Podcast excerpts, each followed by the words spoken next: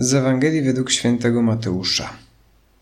W owym czasie Jezus przemówił tymi słowami: Wysławiam Cię, Ojcze, Panie nieba i ziemi, że zakryłeś te rzeczy przed mądrymi i roztropnymi, a objawiłeś je prostaczkom.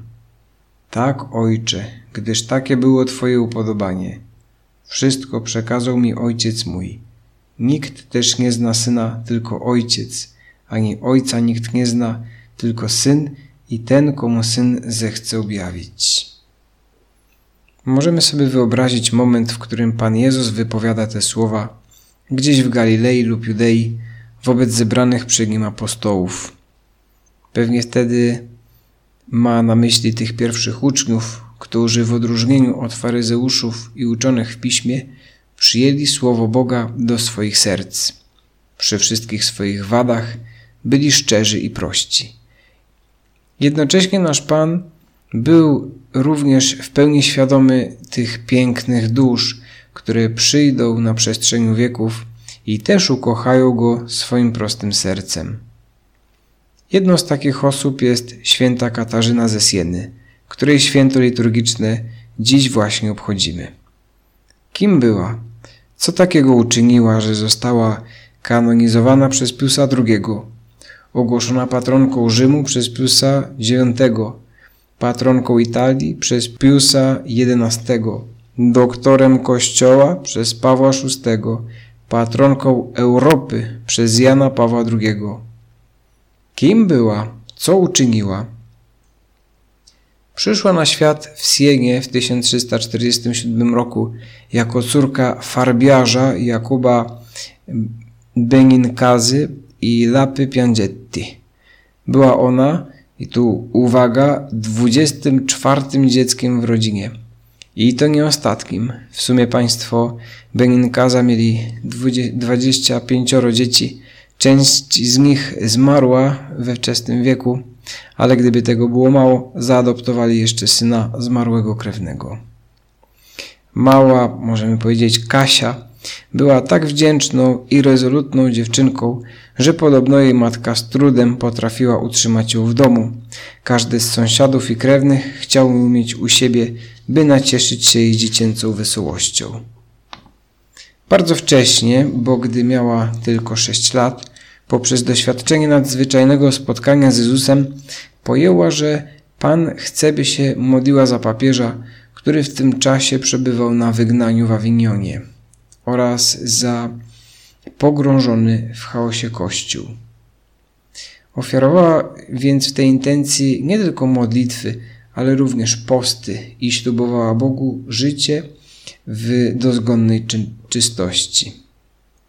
Ale cóż może zrobić dziewczyna z prostej, rzemieślniczej rodziny, która w swoim życiu nie miała nawet okazji nauczyć się pisać, ledwo czytała, a w dodatku była kobietą, co w sytuacji społecznej zdominowanej w dużej mierze przez przemoc fizyczną, militarną i siłę wpływów politycznych było dodatkową cechą niepożądaną. Co na to młoda Katarzyna? Ja jestem ogniem, ty jesteś iskrą, usłyszała kiedyś od Pana Jezusa. I to jej wystarczyło. Dobrze rozumiała również tę prawdę, którą tak celnie wyraziła. Doskonałość nie polega na umartwieniu i zabijaniu ciała, lecz na zabiciu własnej woli i przewrotnej. Święta Katarzyna zdawała sobie świetnie sprawę, że gdyby polegała tylko na własnej woli, na jej uwarunkowaniach społeczno-ekonomicznych, nie mogłaby zupełnie nic. Jednocześnie czuła się wezwana przez Jezusa do zmieniania tego świata, do wpłynięcia, jeśli tego byłoby trzeba, na królów, na biskupów, kardynałów i samego papieża. Dlatego, będąc już zakonnicą, tercjarką dominikańską, postanowiła pisać listy do możnych tego świata. Skoro sama nie potrafiła pisać, musiała je dyktować. Pisała w imieniu Chrystusa, nawoływała do pokuty i nawrócenia, do słuchania Słowa Bożego. Nalegała na kolejnych papieży w czasie trwającej już ponad 60 lat niewoli awiniońskiej, by wrócili do Rzymu, gdzie znajduje się miejsce następcy świętego Piotra. Gdy papież Grzegorz XI wrócił do Wiecznego Miasta w 1377 roku, uznano to za jej zasługę. Jeden z jej biografów tak opisał jej osobowość. Katarzyna prosta, a nieprzeciętna, niewykształcona, ale mądra, drobna i delikatna, a jakże silna i apodyktyczna, łagodna i uczuciowa, ale stanowcza i ostra, cicha i pokorna, a przecież jej głos trafiał do tysięcy, dziewica, a matka dla wielu. Ta sieneńska dziewczyna osiągnęła szczyty świętości jako dziewica, męczennik, choć bezkrwawy i uczony, uznana została doktorem Kościoła. Ileż możemy nauczyć się z krótkiego, bo tylko 33-letniego życia tej prostej Sienenki sprzed ponad sześciu wieków. Już samo kontemplowanie życiorysu może przemienić się dla nas w modlitwę, ponieważ życie Katarzyny ukazuje piękno miłości Bożej. Sama powiedziała, oglądając się w Tobie, Boże, ujrzałam, że jestem Twoim obrazem. Wiele możemy się uczyć od dzisiejszej świętej. Jej wielkiej prostoty, ufności w Bożą moc, wytrwałości w dobrym, niezniechęcania się przed złem tego świata, braku względów ludzkich, zapomnienia o sobie, ale także umiłowania rzymskości. Święty Josemaria, gorący czciciel świętej Katarzyny, tak się kiedyś zwrócił do swoich duchowych dzieci.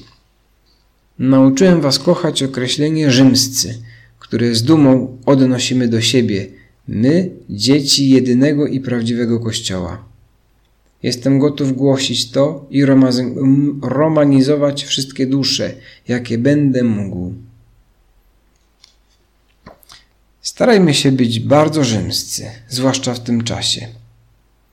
Rzymski to znaczy powszechny, otwarty, wierny, lojalny, kochający jedność wiary, jedność ducha i jedność serc, nie tylko w wyznawaniu naszej katolickości ustami, ale również postawą. W trudnościach rodzinnych, w relacjach społecznych, w modlitwie za cały Kościół i za Ojca Świętego. Papież Franciszek poprzez ostatnie wystawienie starożytnego wizerunku Maryi bardzo stara się podkreślić, że wszyscy jesteśmy rzymscy i mamy jedną wspólną matkę. Salus populi Romani, uzdrowienie ludu rzymskiego, którym są nie tylko mieszkańcy wiecznego miasta, ale wszyscy katolicy na całym świecie. Święta Katarzyna była tak kochana przez wielu papieży, że pięciu z nich zapragnęło zostać pochowanymi po śmierci obok jej szczątków w bazylice Santa Maria Sopra Minerva w Rzymie. Niektórzy kapłani mieli to szczęście zostać wyświęconymi w święto tej wielkiej świętej, tak jak ten, którego głos teraz słyszycie. A dziś kończy wraz z trzydziestoma innymi kapłanami z kilkunastu krajów trzy lata kapłaństwa. Będziemy wdzięczni za Waszą modlitwę za nas, byśmy potrafili tak służyć Kościołowi, jak nasza dzisiejsza patronka.